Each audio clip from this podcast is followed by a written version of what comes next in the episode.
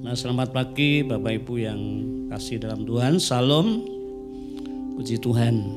Ya, kita pada bersyukur untuk kesempatan yang indah pada saat ini. Kita terus selalu ada di dalam persekutuan untuk selalu berdoa di hadapan Tuhan. Sebab kita memang perlu sekali untuk selalu mendukung dalam doa untuk bangsa dan negara ini. Untuk itu kami kita alasi bersama-sama untuk merenungkan firman Tuhan di dalam kitab Hakim-Hakim. Kitab Hakim-Hakim fase yang ketiga.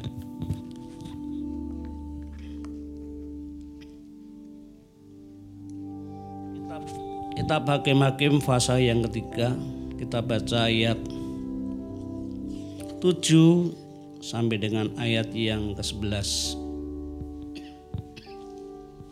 Kitab Hakim-Hakim fase yang ketiga kita akan baca ayat 7 sampai dengan ayat yang ke-11. Demikian firman Tuhan akan saya bacakan. Orang Israel melakukan apa yang jahat di mata Tuhan. Mereka melupakan Tuhan Allah mereka dan beribadah kepada para Baal dan para Aserah Lalu bangkitlah murka Tuhan terhadap orang Israel sehingga ia menjual mereka kepada Kusyan Risyataim Raja Aram Mesopotamia dan orang Israel menjadi takluk kepada Kusyan Risyataim delapan tahun lamanya. Lalu berserulah orang Israel kepada Tuhan, maka Tuhan membangkitkan seorang penyelamat bagi orang Israel yakni Otniel anak Kenas adik Kaleb. Roh Tuhan menghigapi dia dan ia menghakimi orang Israel. Ia maju berperang lalu Tuhan menyerahkan Kusian Risataim Raja Aram ke dalam tangannya sehingga ia mengalahkan Kusian Risataim Lalu amanlah negeri itu itu 40 tahun lamanya. Kemudian matilah Perniel anak Kenas. Iya, sampai di sini. Nah, Bapak Ibu yang kasih dalam Tuhan,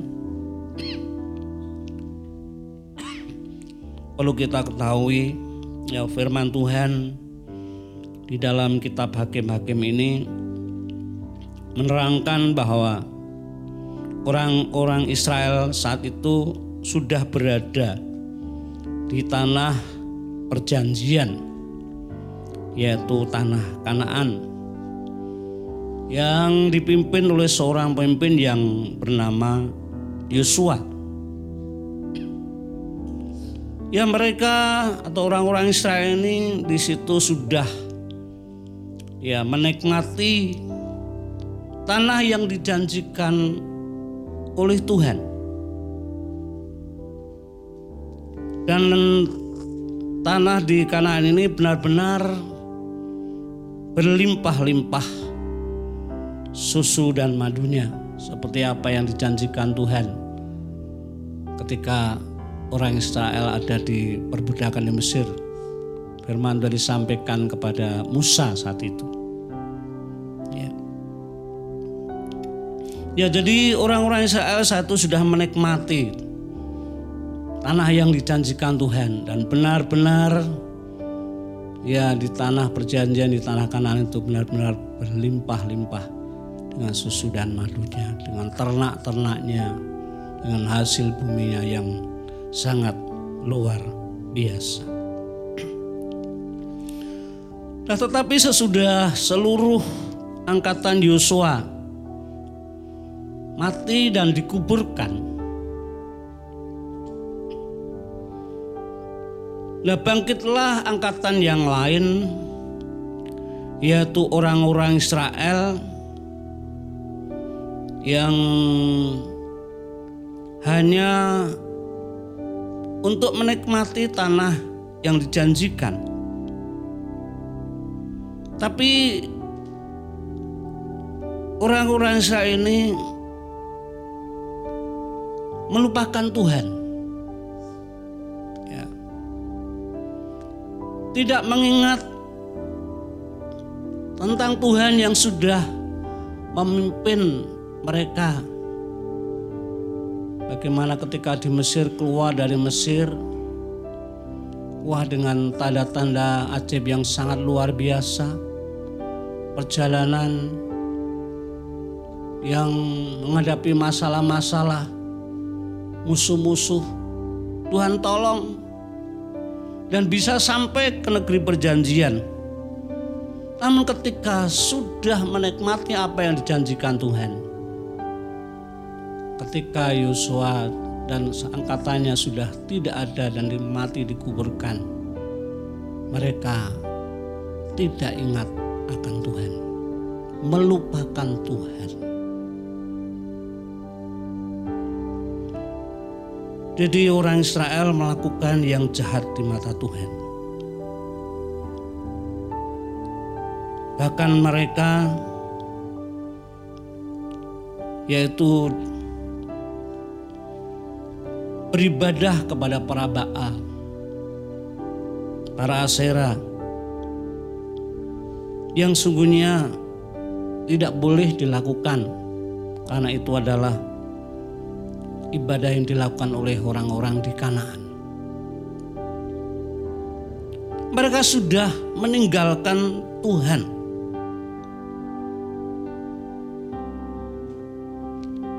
meninggalkan Tuhan yang sudah membawa mereka keluar dari tanah Mesir.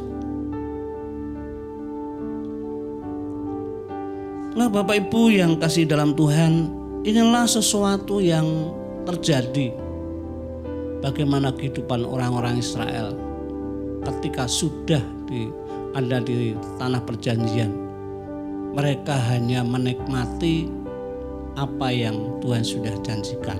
Namun dengan apa yang dia nikmati itu membuat mereka tidak mengingat akan Tuhan, tidak mengenal Tuhan, melupakan Tuhan. Bahkan menyembah para Baal.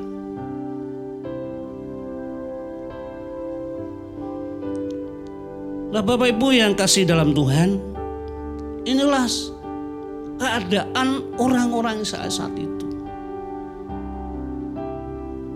Jadi sesuatu yang bisa dinikmati sesuatu yang menyenangkan ya yang membahagiakan secara jasmani namun sudah lupa akan Tuhan yang sudah menolong mereka.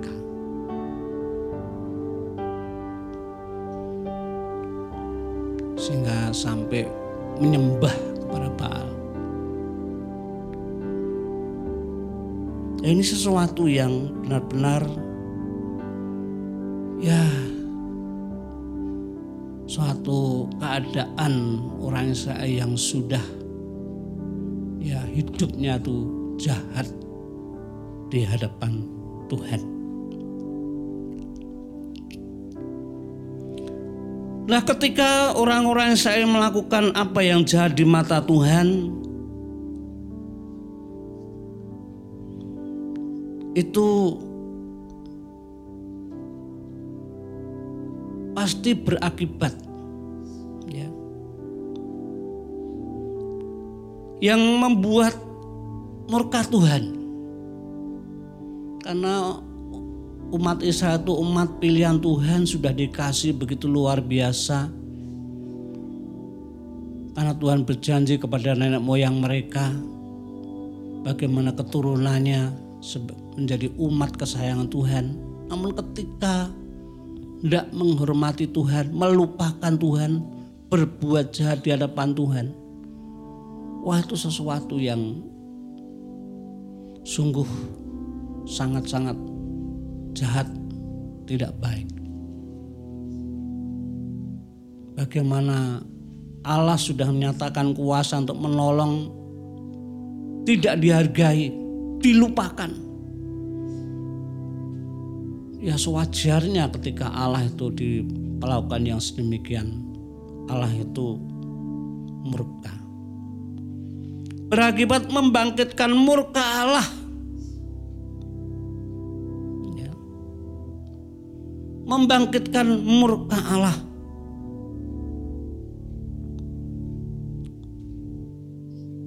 Ini sebagai sesuatu yang perlu kita pahami. Bagi orang-orang percaya,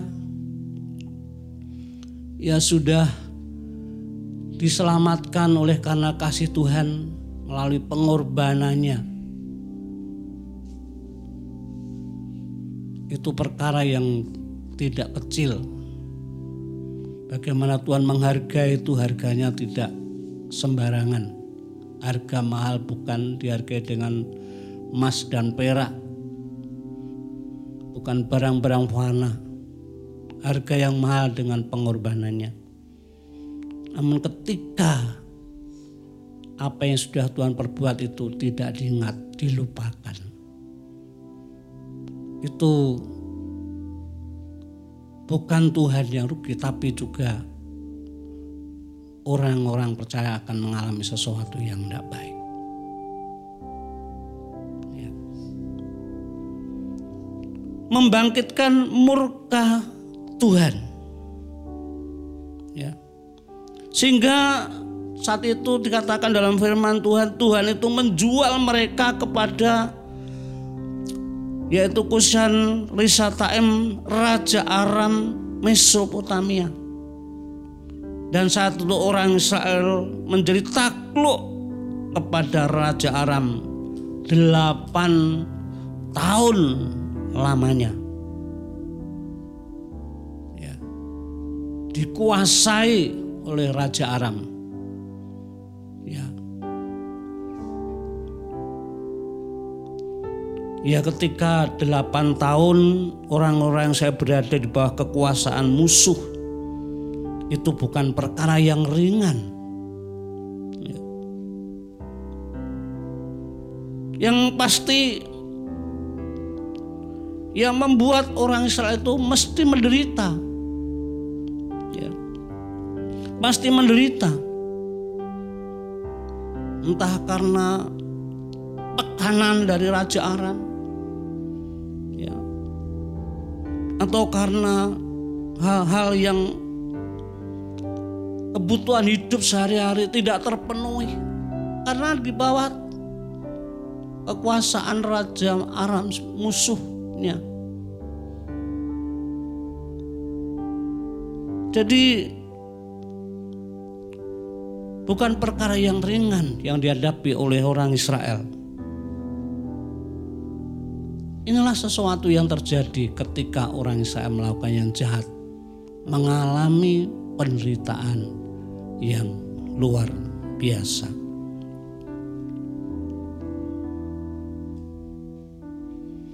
Nah, Bapak Ibu yang kasih dalam Tuhan, inilah sesuatu yang bagi kita ini senantiasa waspada terhadap kehidupan iman kita ketika kita sudah percaya Tuhan. Jangan sampai seperti orang-orang Israel. Ini perlu kita waspadai. Kita akan baca di dalam Ibrani pasal 3. Ibrani pasal 3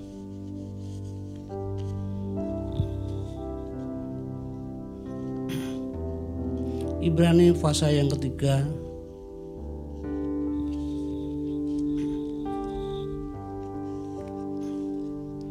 Ya kita baca. Ya agak panjang ayat 7 sampai dengan ayat yang ke-13. Ibrani pasal 3 ayat 7 sampai dengan ayat 13 ya tentang kehidupan orang Israel menjadi contoh, menjadi sesuatu yang perlu kita waspadai dalam kehidupan kita sebagai orang percaya. Ibrani pasal 3 ayat 7 sampai dengan 13 saya bacakan. Sebab itu seperti yang dikatakan Roh Kudus pada hari ini jika kamu mendengar suaranya janganlah keraskan hatimu seperti dalam kegeraman pada waktu pencobaan di padang gurun di mana nenek moyangmu mencobai aku dengan jalan menguji aku sekalipun mereka melihat perbuatan-perbuatanku 40 tahun lamanya. Itulah sebabnya aku murka kepada angkatan itu dan berkata, selalu mereka sesat hati dan mereka tidak mengenal jalanku sehingga aku bersumpah dalam murkaku mereka takkan masuk ke tempat perhentianku.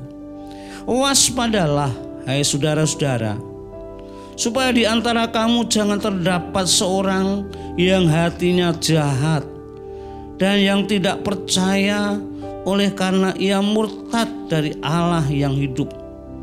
Tetapi nasihatilah seorang akan yang lain setiap hari selama masih dapat dikatakan hari ini supaya jangan ada antara kamu yang menjadi tegar hatinya karena tipu daya dosa. Ya, sampai di sini. Nah, ini firman Tuhan dalam Ibrani menjadi sesuatu yang perlu kita waspadai bagi kita orang percaya bagaimana kita di dalam kehidupan iman rohani kita. Jangan sampai terjadi sesuatu seperti yang dialami oleh orang-orang Israel.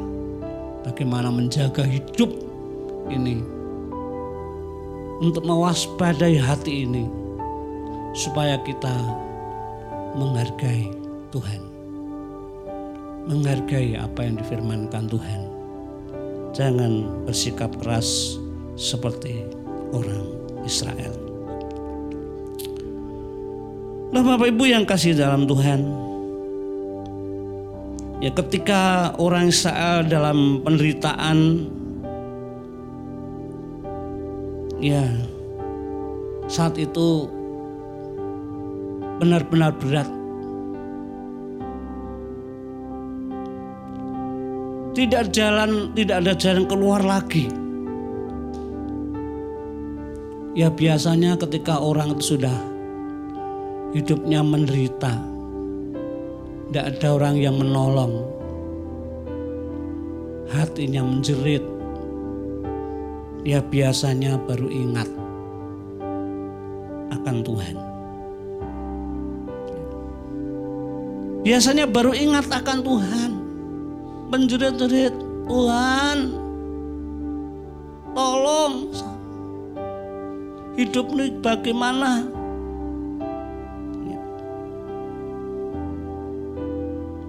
Nah inilah yang terjadi di dalam keadaan orang Israel saat itu ketika di bawah tekanan Raja Aram. Ya. Wah, hidupnya benar-benar menderita. Sudah tidak ada orang yang bisa menolong. Dalam setiap masalah, waduh, ketika sudah tidak ada orang lain yang bisa menolong, mesti akan keadaan itu sangat berat. Ya, sangat berat, menderita luar biasa. Ya.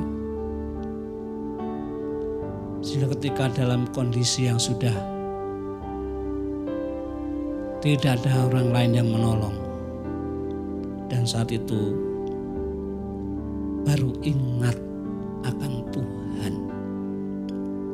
Baru ingat akan Tuhan Dikatakan dalam firman itu, lalu berserulah orang Israel kepada Tuhan.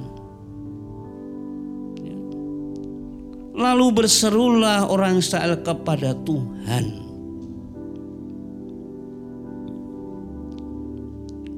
Nah, Bapak Ibu yang kasih dalam Tuhan.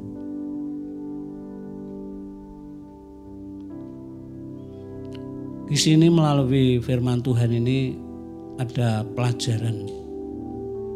Bagi saya menjadi pelajaran yang indah. Ya. Pelajaran yang indah.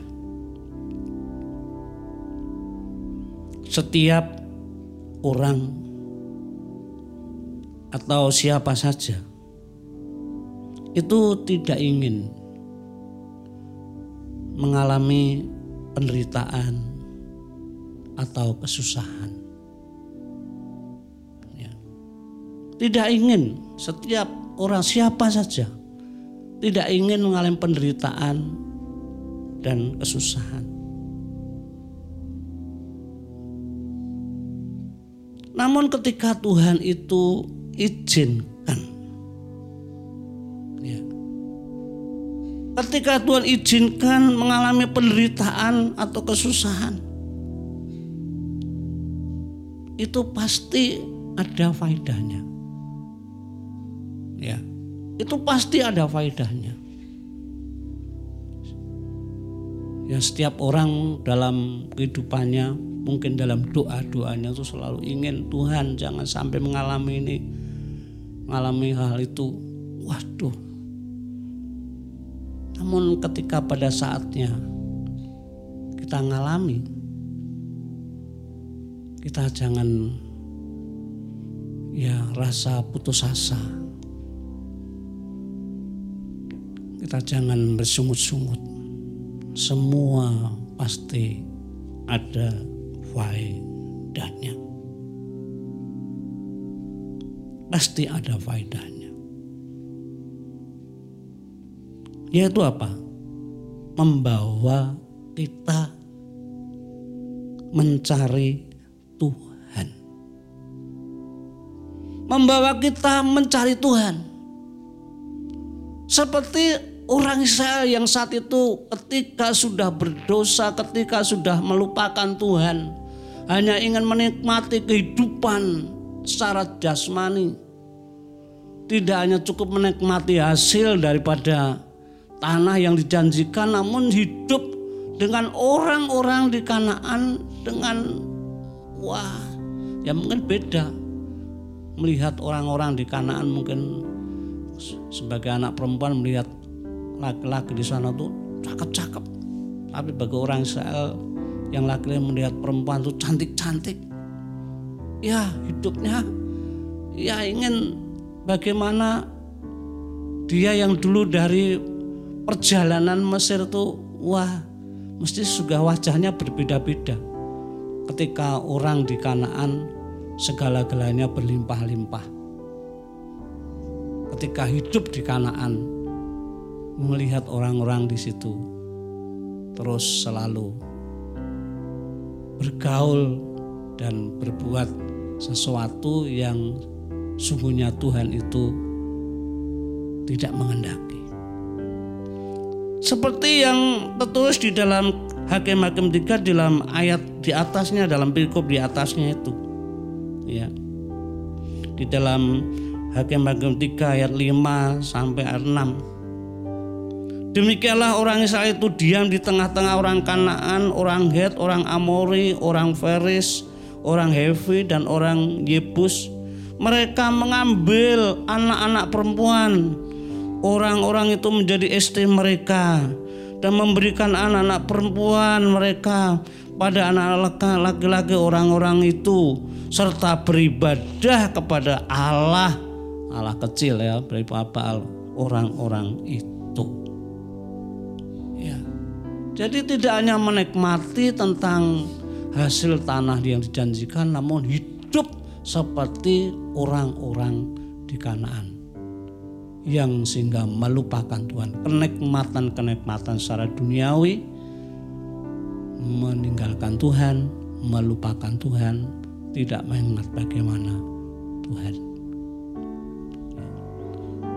Tuhan itu kepada orang yang sudah dikasih tidak ingin Tuhan itu tidak membiarkan mereka.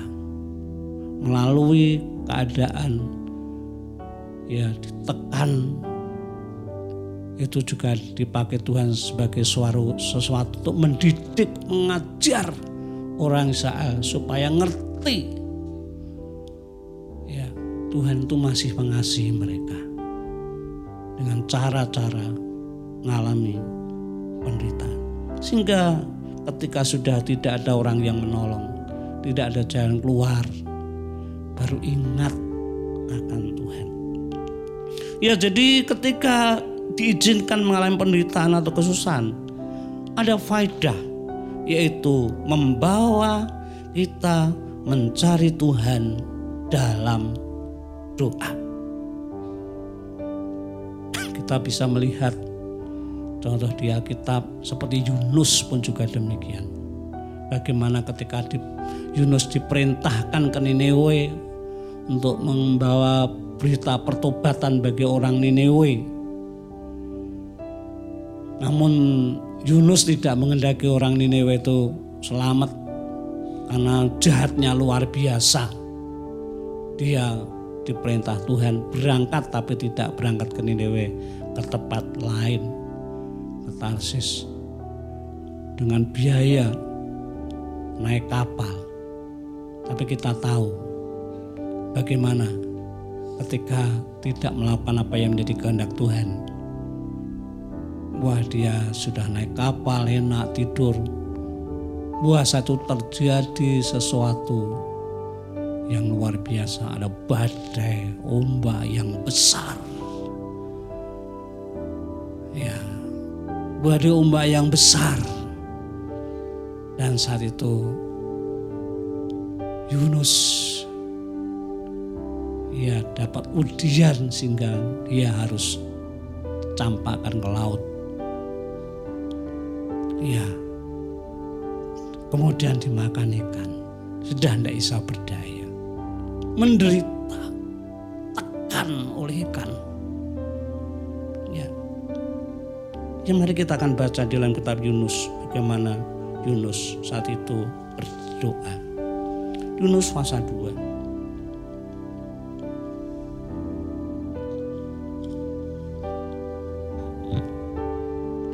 Yunus pasal yang kedua ayat 1 dan 2.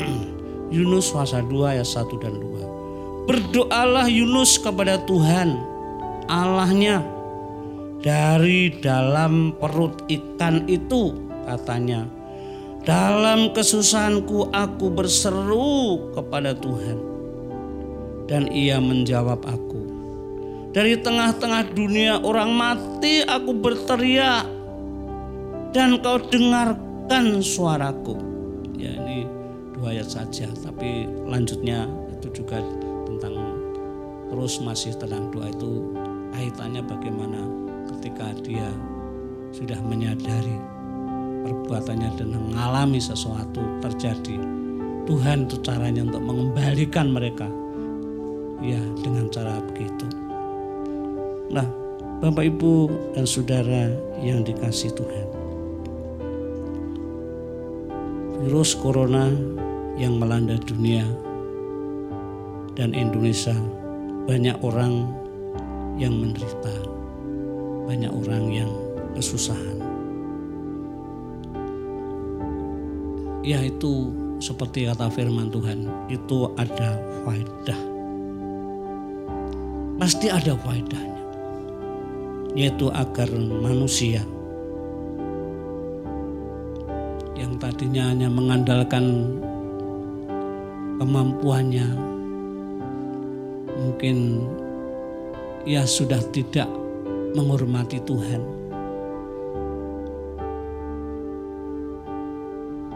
Ya, sehingga keadaan boleh terjadi dengan adanya virus corona. Orang sudah mengalami susah itu membawa manusia mencari Tuhan melalui doa.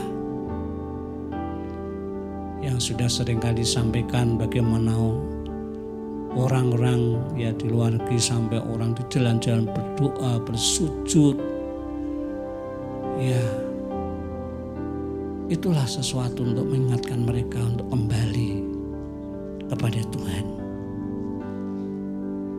Ketika orang mencari Tuhan dengan sungguh-sungguh, dan mau bertobat meninggalkan dosa-dosanya Tuhan itu pasti tidak akan membiarkan.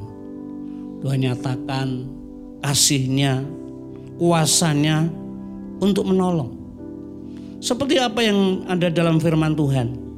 Yaitu saat itu Tuhan membangkitkan seorang penyelamat bagi orang Israel yaitu Orniel. Sehingga saat itu Orniel dipenuhi dengan roh Tuhan. Ya, dipakai Tuhan untuk menyelamatkan orang Israel yang saat itu mengalami tekanan yang berat dari Raja Aram Mesopotamia dan mengalami kemenangan yang luar biasa. Nah itulah sesuatu yang terjadi ya ketika orang berseru kepada Tuhan ya menyadari akan segala perbuatannya Tuhan itu tidak pernah membiarkannya Tuhan nyatakan kuasanya untuk menolong menyelamatkan orang Israel ya kita percaya Bapak Ibu yang kasih dalam Tuhan oleh peristiwa yang terjadi di saat-saat ini. Tuhan punya rencana indah. Dan kita yakin ketika kita terus selalu berdoa, pasti ada saatnya.